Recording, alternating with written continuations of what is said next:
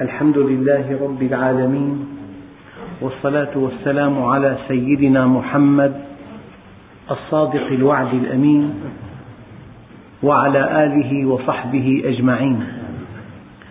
اللهم لا علم لنا إلا ما علمتنا إنك أنت العليم الحكيم. اللهم علمنا ما ينفعنا وانفعنا بما علمتنا وزدنا علما وأرنا الحق حقا وارزقنا اتباعه. وأرنا الباطل باطلا وارزقنا اجتنابه واجعلنا ممن يستمعون القول فيتبعون أحسنه وأدخلنا برحمتك في عبادك الصالحين. أيها الإخوة الكرام مع الدرس السادس والخمسين من دروس سورة آل عمران ومع الآية السادسة والثمانين بعد المئة.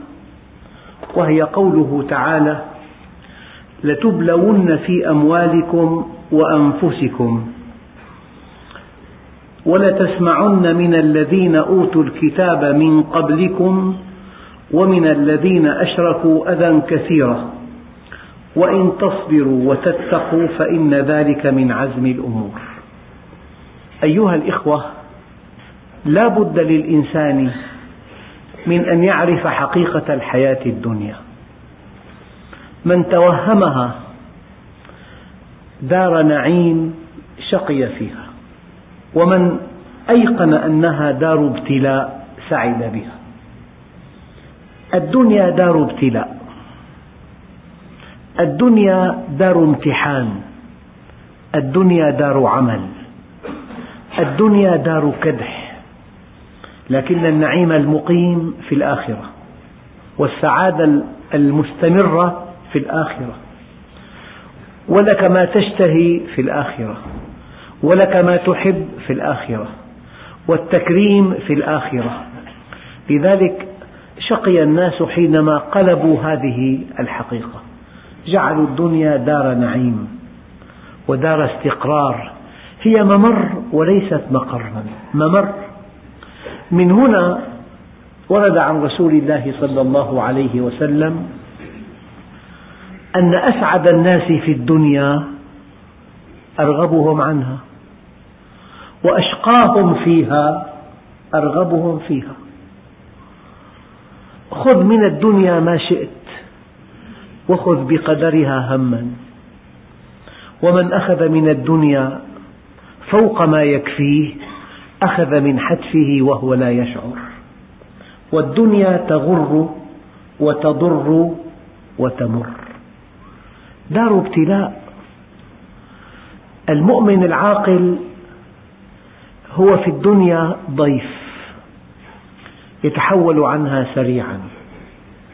أنا أضرب لكم مثلا ذكرته سابقا. لو أن بلدا من البلدان فيها قانون إيجار غريب. مالك البيت في أية لحظة وفي أية ثانية يطرد المستأجر من دون إنذار ولا يستطيع المستأجر أن يأخذ شيئا ولا ألبسته ولا أثاث بيته ولا أي جهاز كهربائي. صاحب البيت بإمكانه أن يطرد المستأجر في أية لحظة يريد. هذا المستأجر هل من العقل أن يضع هذا المستأجر كل دخله في هذا البيت؟ أن يملأه بالثريات أن يملأه بالأثاث أن يملأه بالأجهزة. وهو معرض إلى أن يخسر كل شيء في ثانية واحدة. يخسر كل شيء. ولهذا المستأجر بيت بعيد. على الهيكل. هل من العقل أن يزين بيته المستأجر الذي سيغادره في أية لحظة من دون إنذار من دون إعلام مسبق؟ أم العقل أن يكسو هذا البيت الذي على الهيكل وهو مصيره إليه؟ هذه المشكلة كلها. وضع الناس كل البيض في سلة واحدة. فكل ما تملك وكل مكانتك وكل مكتسباتك وكل إنجازاتك وكل هيمنتك وكل سيطرتك وكل استمتاعك في الدنيا منوط بضربات القلب. فإذا وقف القلب ألصقت النعوات في شتى أنحاء المدينة. وكان رجلا فصار خبرا. كان رجلا ملء السمع والبصر فأصبح خبرا تتناقله الأفواه. فيا أيها الإخوة ليس من العقل أن تجعل الدنيا أكبر همك ومبلغ علمك. الدنيا كما ورد جيفة طلابها كلابها. الدنيا دار من لا دار له ولها يسعى من لا عقل له. ما لي وللدنيا كما قال عليه الصلاة والسلام. إنما أنا عابر سبيل. أستظل بشجرة وأتحول عنها. فأنت حينما تفهم حقيقة الدنيا تسعد بها. وحينما تراها مديدة طويلة الأمد ينبغي أن تستمتع بها وأن تنشئ فيها البيوت وأن تركب المركبات وأن تقتني الأشياء الجميلة. هنا تبدأ المشكلة.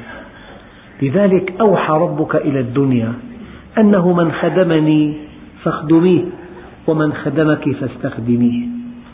لا خير في الدنيا إلا لذكر الله وما والاه. أيها الإخوة لتبلون في أموالكم. معنى ذلك ولو كنت مؤمنا ولو كنت مقربا من الله. هناك مصائب ابتلاء. هناك مصائب عقاب. هناك مصائب ابتلاء. إنا كنا مبتلين. حقيقة الحياة الدنيا أنك مبتلى فيها. مبتلى بأشياء كثيرة. مبتلى بأشياء لا تعد ولا تحصى. مبتلى بالغنى. فإذا كنت غنيا أنت مبتلى بالغنى. يعني مادة امتحانك الغنى. من أين كسبت هذا المال؟ وكيف أنفقته؟ وما الحالة النفسية التي رافقت هذا الغنى؟ هل كنت متكبرا؟ هل رأيت نفسك فوق الناس؟ كلهم فقراء أصحاب دخل محدود أما أنت لك أرقام في المؤسسات المالية كبير جدا أنت مبتلى بالغنى ومبتلى بالفقر هل أنت راض عن الله؟ هل أنت متجمل؟ هل تصمد أمام غني أم تتضعضع؟ من جلس إلى غني فتضعضع له ذهب ثلثا دينه أنت مبتلى بالفقر أنت مبتلى بالصحة ماذا فعلت بهذه الصحة؟ ذكرت لكم آه، في درس سابق وذكرت هذا في العيد أحد علماء دمشق الأجلاء رحمهم الله عز وجل كان من عادته طبعا وليست هذه سنة لكن من عادته أن يأخذ إخوانه في صبيحة أيام العيد إلى المقابر ليعرف إخوانه نعمة الحياة. أنت حي. معنى حي أنه بإمكانك أن تتوب. معنى حي أنه بإمكانك أن تستغفر. معنى حي أنه بإمكانك أن تكون بارا بوالديك. معنى حي أنه بإمكانك أن تنفق مالك. معنى حي أنه بإمكانك أن تطلب العلم. نعمة الحياة لا تقدر بثمن. لذلك وصف الله الموت بأنه مصيبة فأصابتهم مصيبة الموت. الموت أنهى الحياة أنهى العمل أنهى الاستغفار أنهى التوبة كله انتهى. كم من باب مفتح لك وأنت حي؟ لو بلغت ذنوبك عنان السماء ثم جئتني تائبا غفرتها لك ولا أبالي. ما دمت حيا. التوبة بين يديك. المغفرة بين يديك نبئ عبادي أني أنا الغفور الرحيم. فكان هذا العالم الجليل يأخذ إخوانه إلى المقابر في صبيحة اليوم الأول. ليعرف إخوانه معنى الحياة. أنت حي. بإمكانك أن تنفق. وقد مر النبي عليه الصلاة والسلام بقبر. فقال لأصحابه صاحب هذا القبر إلى ركعتين مما تحقرون من تنفلكم. ركعتين على السريع. خير له من كل دنياكم. لو أنك تملك أكبر شركة في العالم. لو أن لك دخل كل يوم مليون. لو أنك تملك كهذا الذي يضرب به المثل تسعين مليار وهو شاب في الأربعين. صاحب هذا القبر إلى ركعتين مما تحقرون من تنفلكم خير له من كل دنياكم. في اليوم الثاني يأخذهم إلى المستشفيات. لا يعرف نعمة الصحة إلا المريض. نعمة الحركة. في إنسان فقد حركته. نعمة الوعي. في إنسان فقد وعيه. نعمة انتظام ضربات القلب. نعمة إفراغ المثانة هناك نعم لا تعد ولا تحصى. وأية نعمة في الصحة فقدتها تصبح الحياة جحيما لا يطاق. كأس الماء لو منع منك أو لو منع إخراجه هذا الطعام الذي يأكله الفقراء. لو منع منك تدفع ثمنه مئات الألوف. هناك من يعيش على السائل السكري الملحي السيروم قد يشتهي هذا المريض أن يأكل شيئا مما يأكله معظم الفقراء لا يستطيع. لذلك قال تعالى ولتسألن يومئذ عن النعيم ماذا فعلت بنعيم الصحة؟ ماذا فعلت بنعيم الأمن أنت آمن في اليوم التالي يأخذهم إلى المستشفيات. هذا معه خسرة بالدماغ هذا معه تشمع بالكبد هذا معه فشل كلوي هذا معه آه، التهاب بالأعصاب حاد هذا معه ضمور في بعض الأجهزة والعياذ بالله.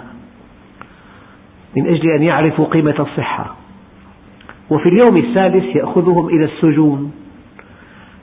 من أجل أن يعرفوا قيمة الحرية. أنت حر. تذهب إلى أي مكان تريد لا تخشى أحدا. ليس هناك مذكرة قبض بحقك ولا مذكرة بحث. حر. ليس هناك حكم جزائي يطولك. وفي اليوم الرابع يأخذهم إلى مستشفى الأمراض العقلية ليعرفوا نعمة العقل. عقلك برأسك. فيا أيها الإخوة معنى قوله تعالى ألهاكم التكاثر حتى زرتم المقابر. كلا سوف تعلمون ثم كلا سوف تعلمون. كلا لو تعلمون علم اليقين لترون الجحيم. ثم لترونها عين اليقين. ثم لتسألن يومئذ عن النعيم. نعيم الصحة نعيم الفراغ نعيم الأمن نعيم الكفاية. من منا؟ يدخل بيته فيقول الحمد لله. ألم تروا أن سبعين بيتا هدموا البارحة على رؤوس أصحابها بلا مأوى؟ ألا يتفطر القلب لهؤلاء المسلمين المشردين في هذه الموجة الباردة؟ فلذلك أيها الإخوة الدنيا دار ابتلاء. الدنيا دار تكليف الدنيا دار عمل الدنيا دار كدح. من هنا ورد في خطب النبي عليه الصلاة والسلام إن هذه الدنيا دار التواء لا دار استواء. لحكمة أرادها الله جل جلاله لا تصفو لأحد. إن كنت قويا مهيمنا مسيطرا فقدت الأمن. فقذف في قلوب, في قلوب الذين كفروا الرعب بما أشركوا. وقد ترتعد فرقا أقوى قوة في العالم. خوف أعطاها كل شيء وسلبها نعمة الأمن. قد تكون الزوجة صالحة والأولاد ليسوا أبرارا. وقد يكون الأولاد أبرارا والزوجة ليست صالحة.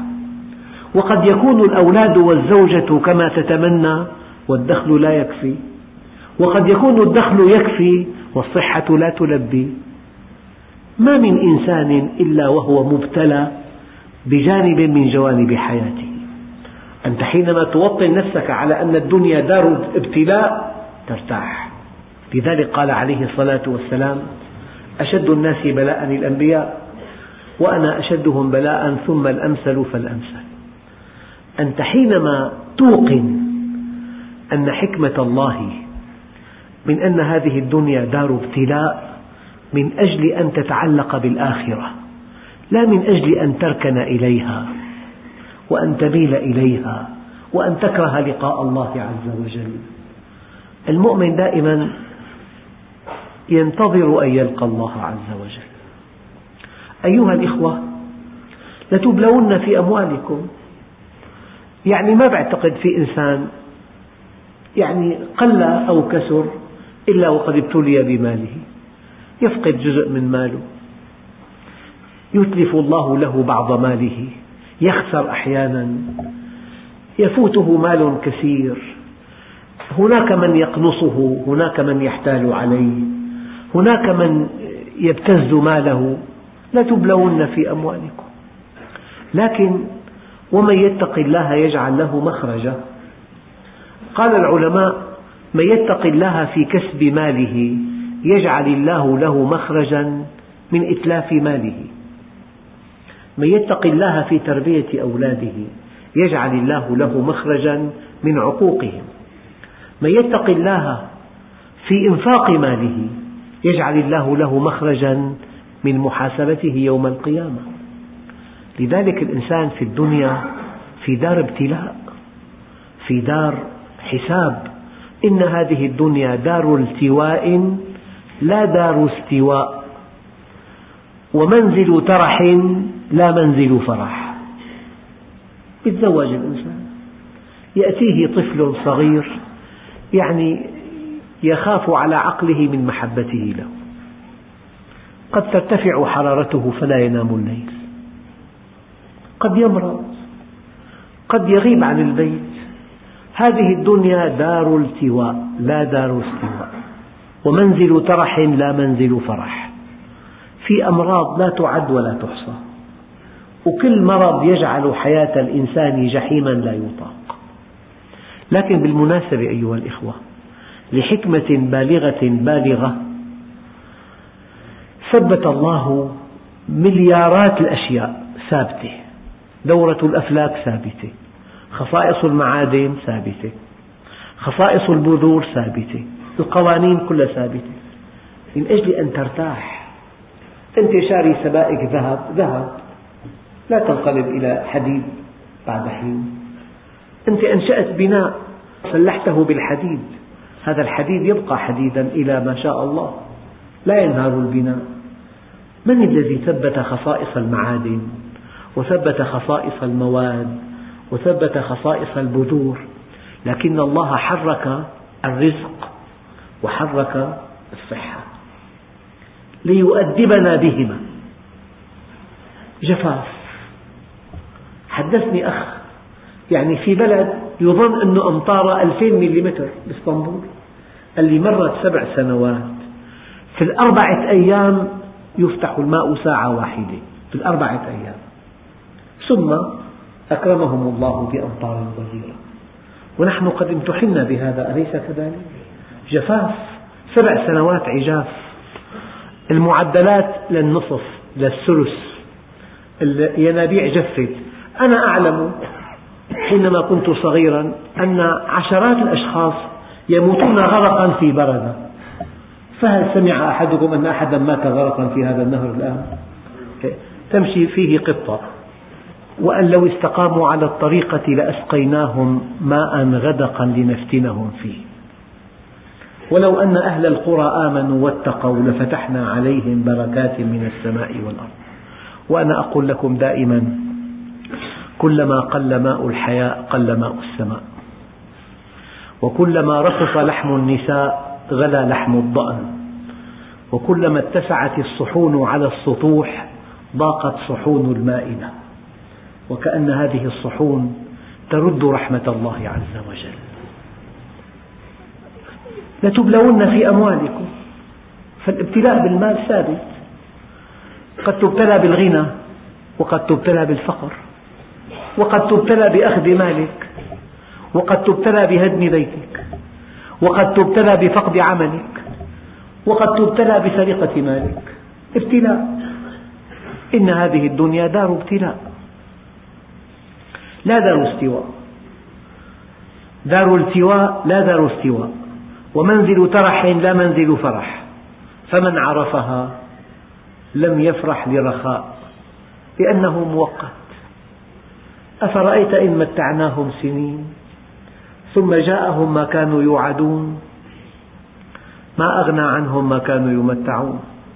كم تركوا من جنات وعيون وزروع ومقام كريم. ونعمة كانوا بها فاكهين. كذلك وأورثناها قوما آخرين.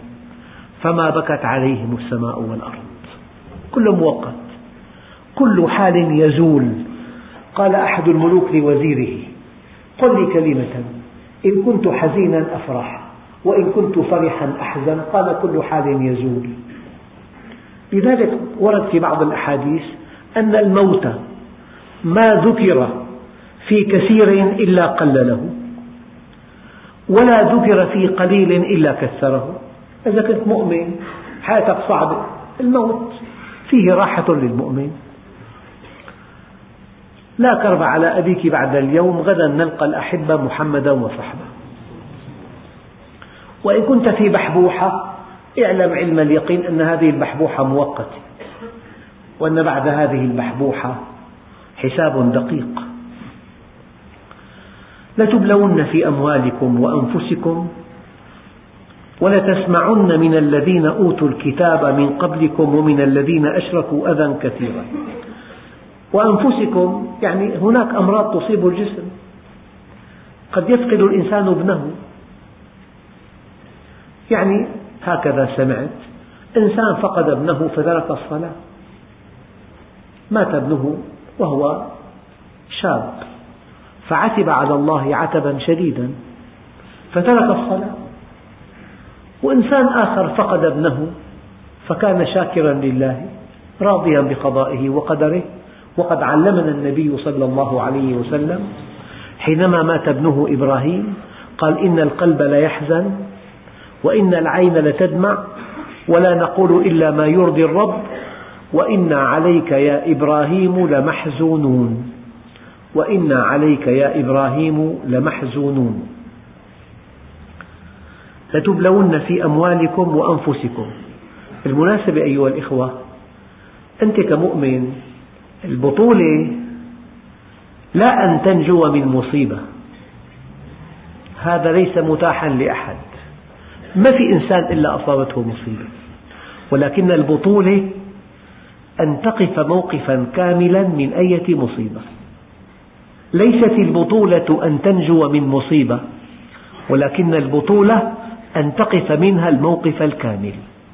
لذلك إنسان يطوف حول الكعبة يقول يا رب هل أنت راض عني؟ كان وراءه الإمام الشافعي. قال يا هذا هل أنت راض عن الله حتى يرضى عنك؟ قال من أنت يرحمك الله؟ كيف أرضى عنه وأنا أتمنى رضاه؟ قال إذا كان سرورك بالنقمة كسرورك بالنعمة فقد رضيت عن الله. لذلك قال تعالى رضي الله عنهم ورضوا عنه.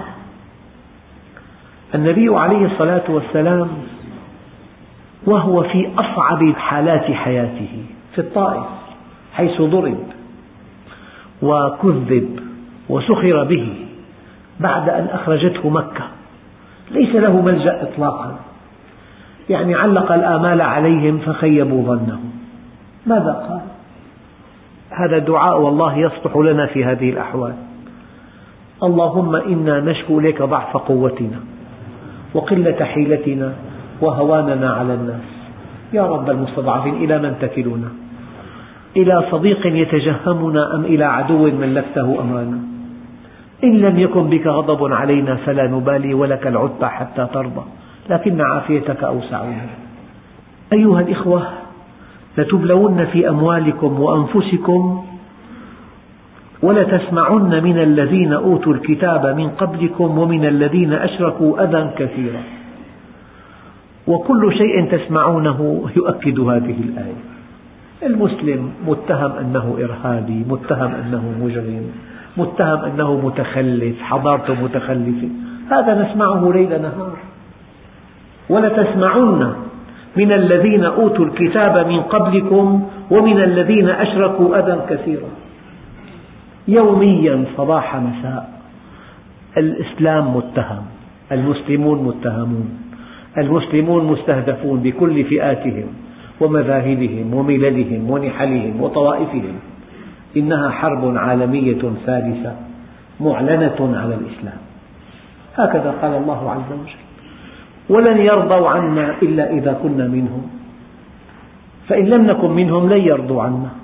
الله أخبرنا. لتبلون في أموالكم وأنفسكم ولتسمعن من الذين أوتوا الكتاب من قبلكم ومن الذين أشركوا أذى كثيرا. أليس هذا تطيبا لقلوبنا؟ أليس هذا توضيحا لما نعيشه نحن الآن؟ شيء عام. وإن تصبروا وتتقوا. إن تصبروا وتتقوا. تتقوا أن تطيعوا. إن صبرنا وأطعنا. فإن ذلك من عزم الأمور. لكن هل تصدقون أن هناك آية أخرى؟ والله الذي لا إله إلا هو. لو علم الناس فحواها وبعدها وخطورتها لكان فيها الحل. الآية الثانية وإن تصبروا وتتقوا لا يضركم كيدهم شيئا. الكيد يعني عندهم أسلحة لا يعلم عددها إلا الله. تطير الطائرة خمسا وثلاثين ساعة ومحملة بمئات الأطنان من القنابل وليس في الأرض مطار يحتملها.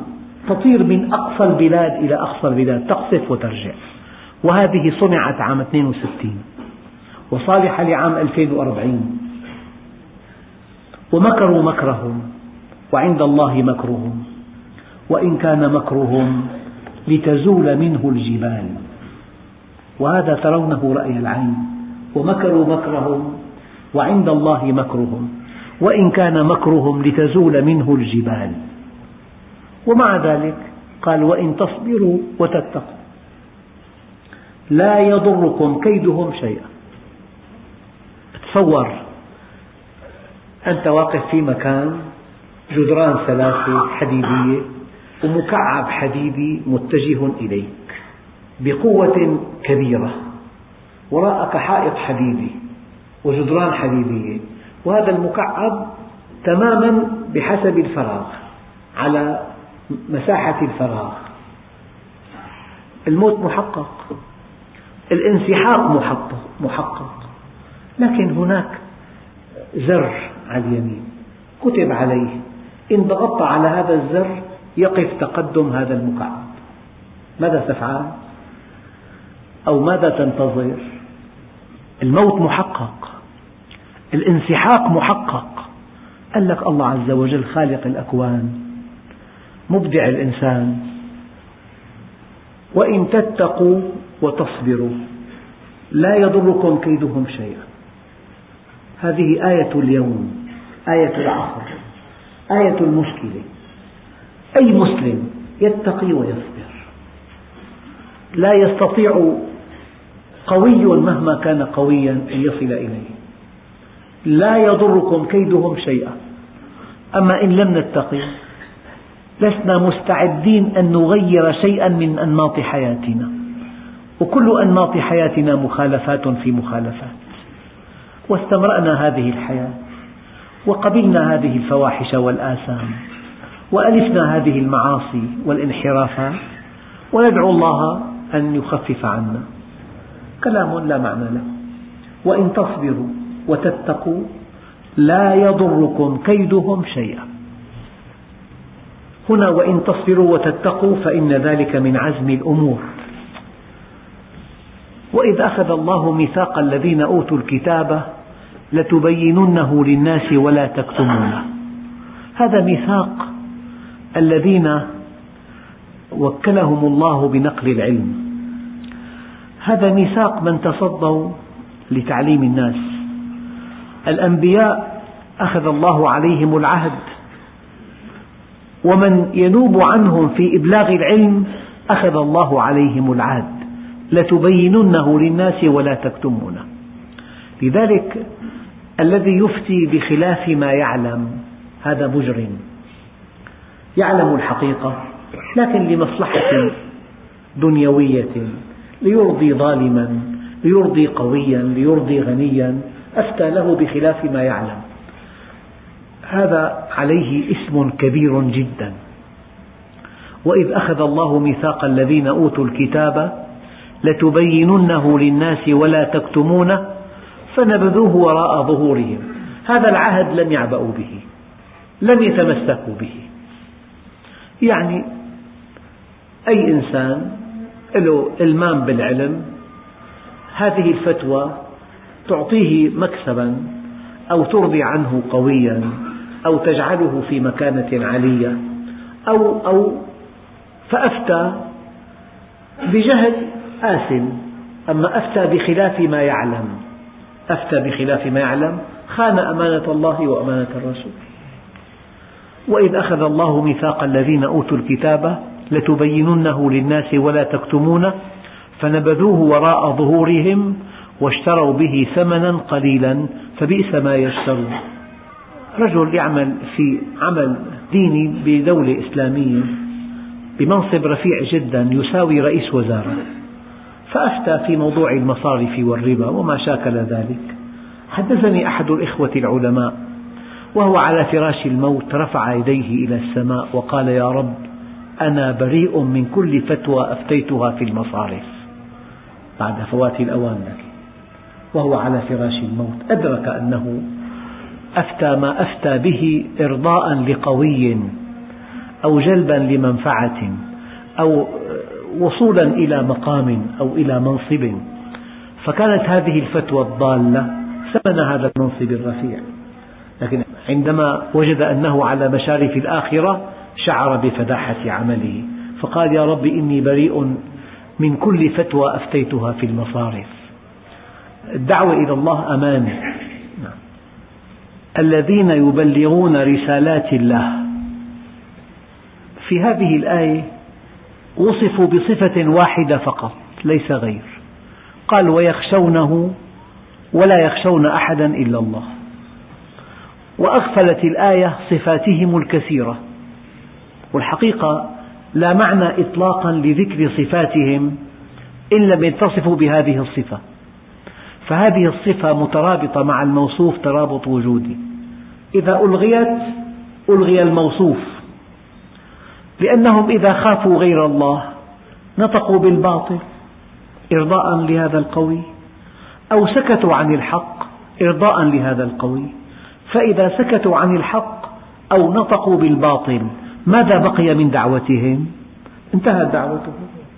الذين يبلغون رسالات الله ويخشونه ولا يخشون أحدا إلا الله. وإذ أخذ الله ميثاق الذين أوتوا الكتاب لتبيننه للناس ولا تكتمونه فنبذوه وراء ظهورهم. لم يعبأوا بهذا الميثاق واشتروا به ثمنا قليلا. يعني بفتوى وصل إلى منصب أو بفتوى وصل إلى مكانة أو بفتوى وصل إلى مكسب كبير. نعم. اشتروا به ثمنا قليلا. والله ما وجدت مثل يوضح به هذه الحقيقة. لو أن واحد معه شيك بمليون دولار لكن لا يعلم أنه شيك رآه ورقة بيضاء رآه من ظهر الورقة رآه ورقة بيضاء كتب عليها كلام لا معنى له ثم مزقها وألقاها في المهملات ثم اكتشف أن هذه الورقة شيك بمليون دولار. هو استخدمها استخدمها استخدام رخيص جدا. يعني ورقة أيام واحد عنده أوراق على الطاولة. تكتب رقم هاتف. بعدين ما في حاجة يسجله بيلغي بيكون عم يتصل مع إنسان بده رقم هاتفي كذا. هو الإنسان كله ما له قبضه بياخذ رقمه بعدين بمزقها لو أن هذه الورقة شيك بمليون دولار. بس ما انتبه له رأى ظهر الشيك واستخدمه كورقة وكتب عليها رقم هاتف ثم وجد هذا الهاتف لا قيمة له فمزقها وألقاها في المهملات. ثم اكتشف بعد ذلك أن هذا شيك بمليون دولار ومعاشه بالشهر خمسة آلاف. اشترى بهذا الشيك ثمنا قليلا. استخدموا أسوأ استخدام. وهذا الذي يتعامل مع الدين لمكسب مادي. يا لطيف.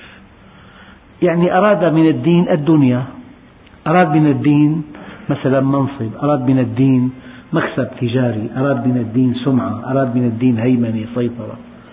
هذا الدين ليسعدك إلى أبد الآبدين. فجعلته من من حطام الدنيا جعلته مطية.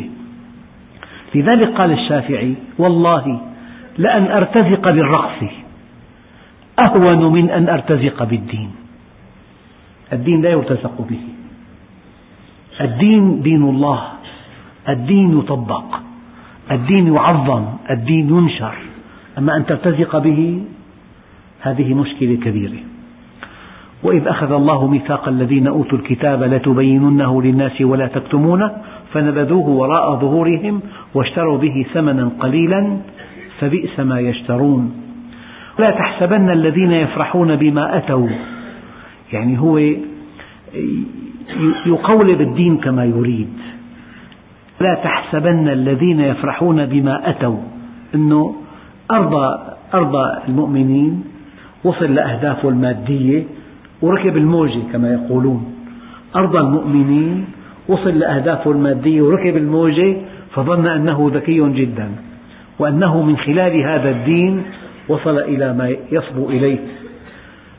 لا تحسبن الذين يفرحون بما أتوا. بعد حاله ذكي وعنده عنده حنكة وعنده شطارة وقدر يلعب على الناس ويضلل الناس وأوهمهم أنه مؤمن. ثم وصل إلى مبتغاه المادي فقط وظن أنه أذكى منهم. لا تحسبن الذين يفرحون بما أتوا ويحبون أن يحمدوا بما لم يفعلوا فلا تحسبنهم بمفازة من العذاب ولهم عذاب أليم. لذلك إن المنافقين في الدرك الأسفل من النار. تستطيع أن تخدع معظم الناس لبعض الوقت. وقد تستطيع أن تخدع بعض الناس لكل الوقت. أما أن تخدع الله عز وجل مستحيل. الله عز وجل يكشفك. بأي لحظة يكشفك ويفضحك. في أي لحظة. ويحبط عملك. الإخلاص الإخلاص. إن أردت الدنيا تسلك سبيل الدنيا. أما أن تستخدم الدين للدنيا هذا عمل قبيح بالإنسان. أن تستخدم الدين للدنيا. ولله ملك السماوات والأرض والله على كل شيء قدير. قدير أن يعطيك أي عطاء ولكن من أسبابه التي رسمها لك. والحمد لله رب العالمين. أيها الإخوة أوراق كثيرة أختار بعضها لضيق الوقت. أحد الأئمة يقوم بالدعاء بعد الركوع في الركعة الرابعة من صلاة العشاء. ممكن. دعاء النوازل. علمنا من بعض العلماء عن السحر أنه يجوز تعلمه. تعلموا السحر ولا تعملوا به حديث لا أصل له موضوع. والذهاب إلى السحرة من أجل فك السحر المعقود لشخص ما. أنا كل الذي أعلمه أن الدعاء وحده والاستعاذة بالله وحدها وقراءة القرآن وحده لا يبقي شيئا من السحر. والمعوذتين هذا الذي علمنا النبي. ولو كان هذا وارد لذكره النبي وعلمنا إياه. والحمد لله رب العالمين.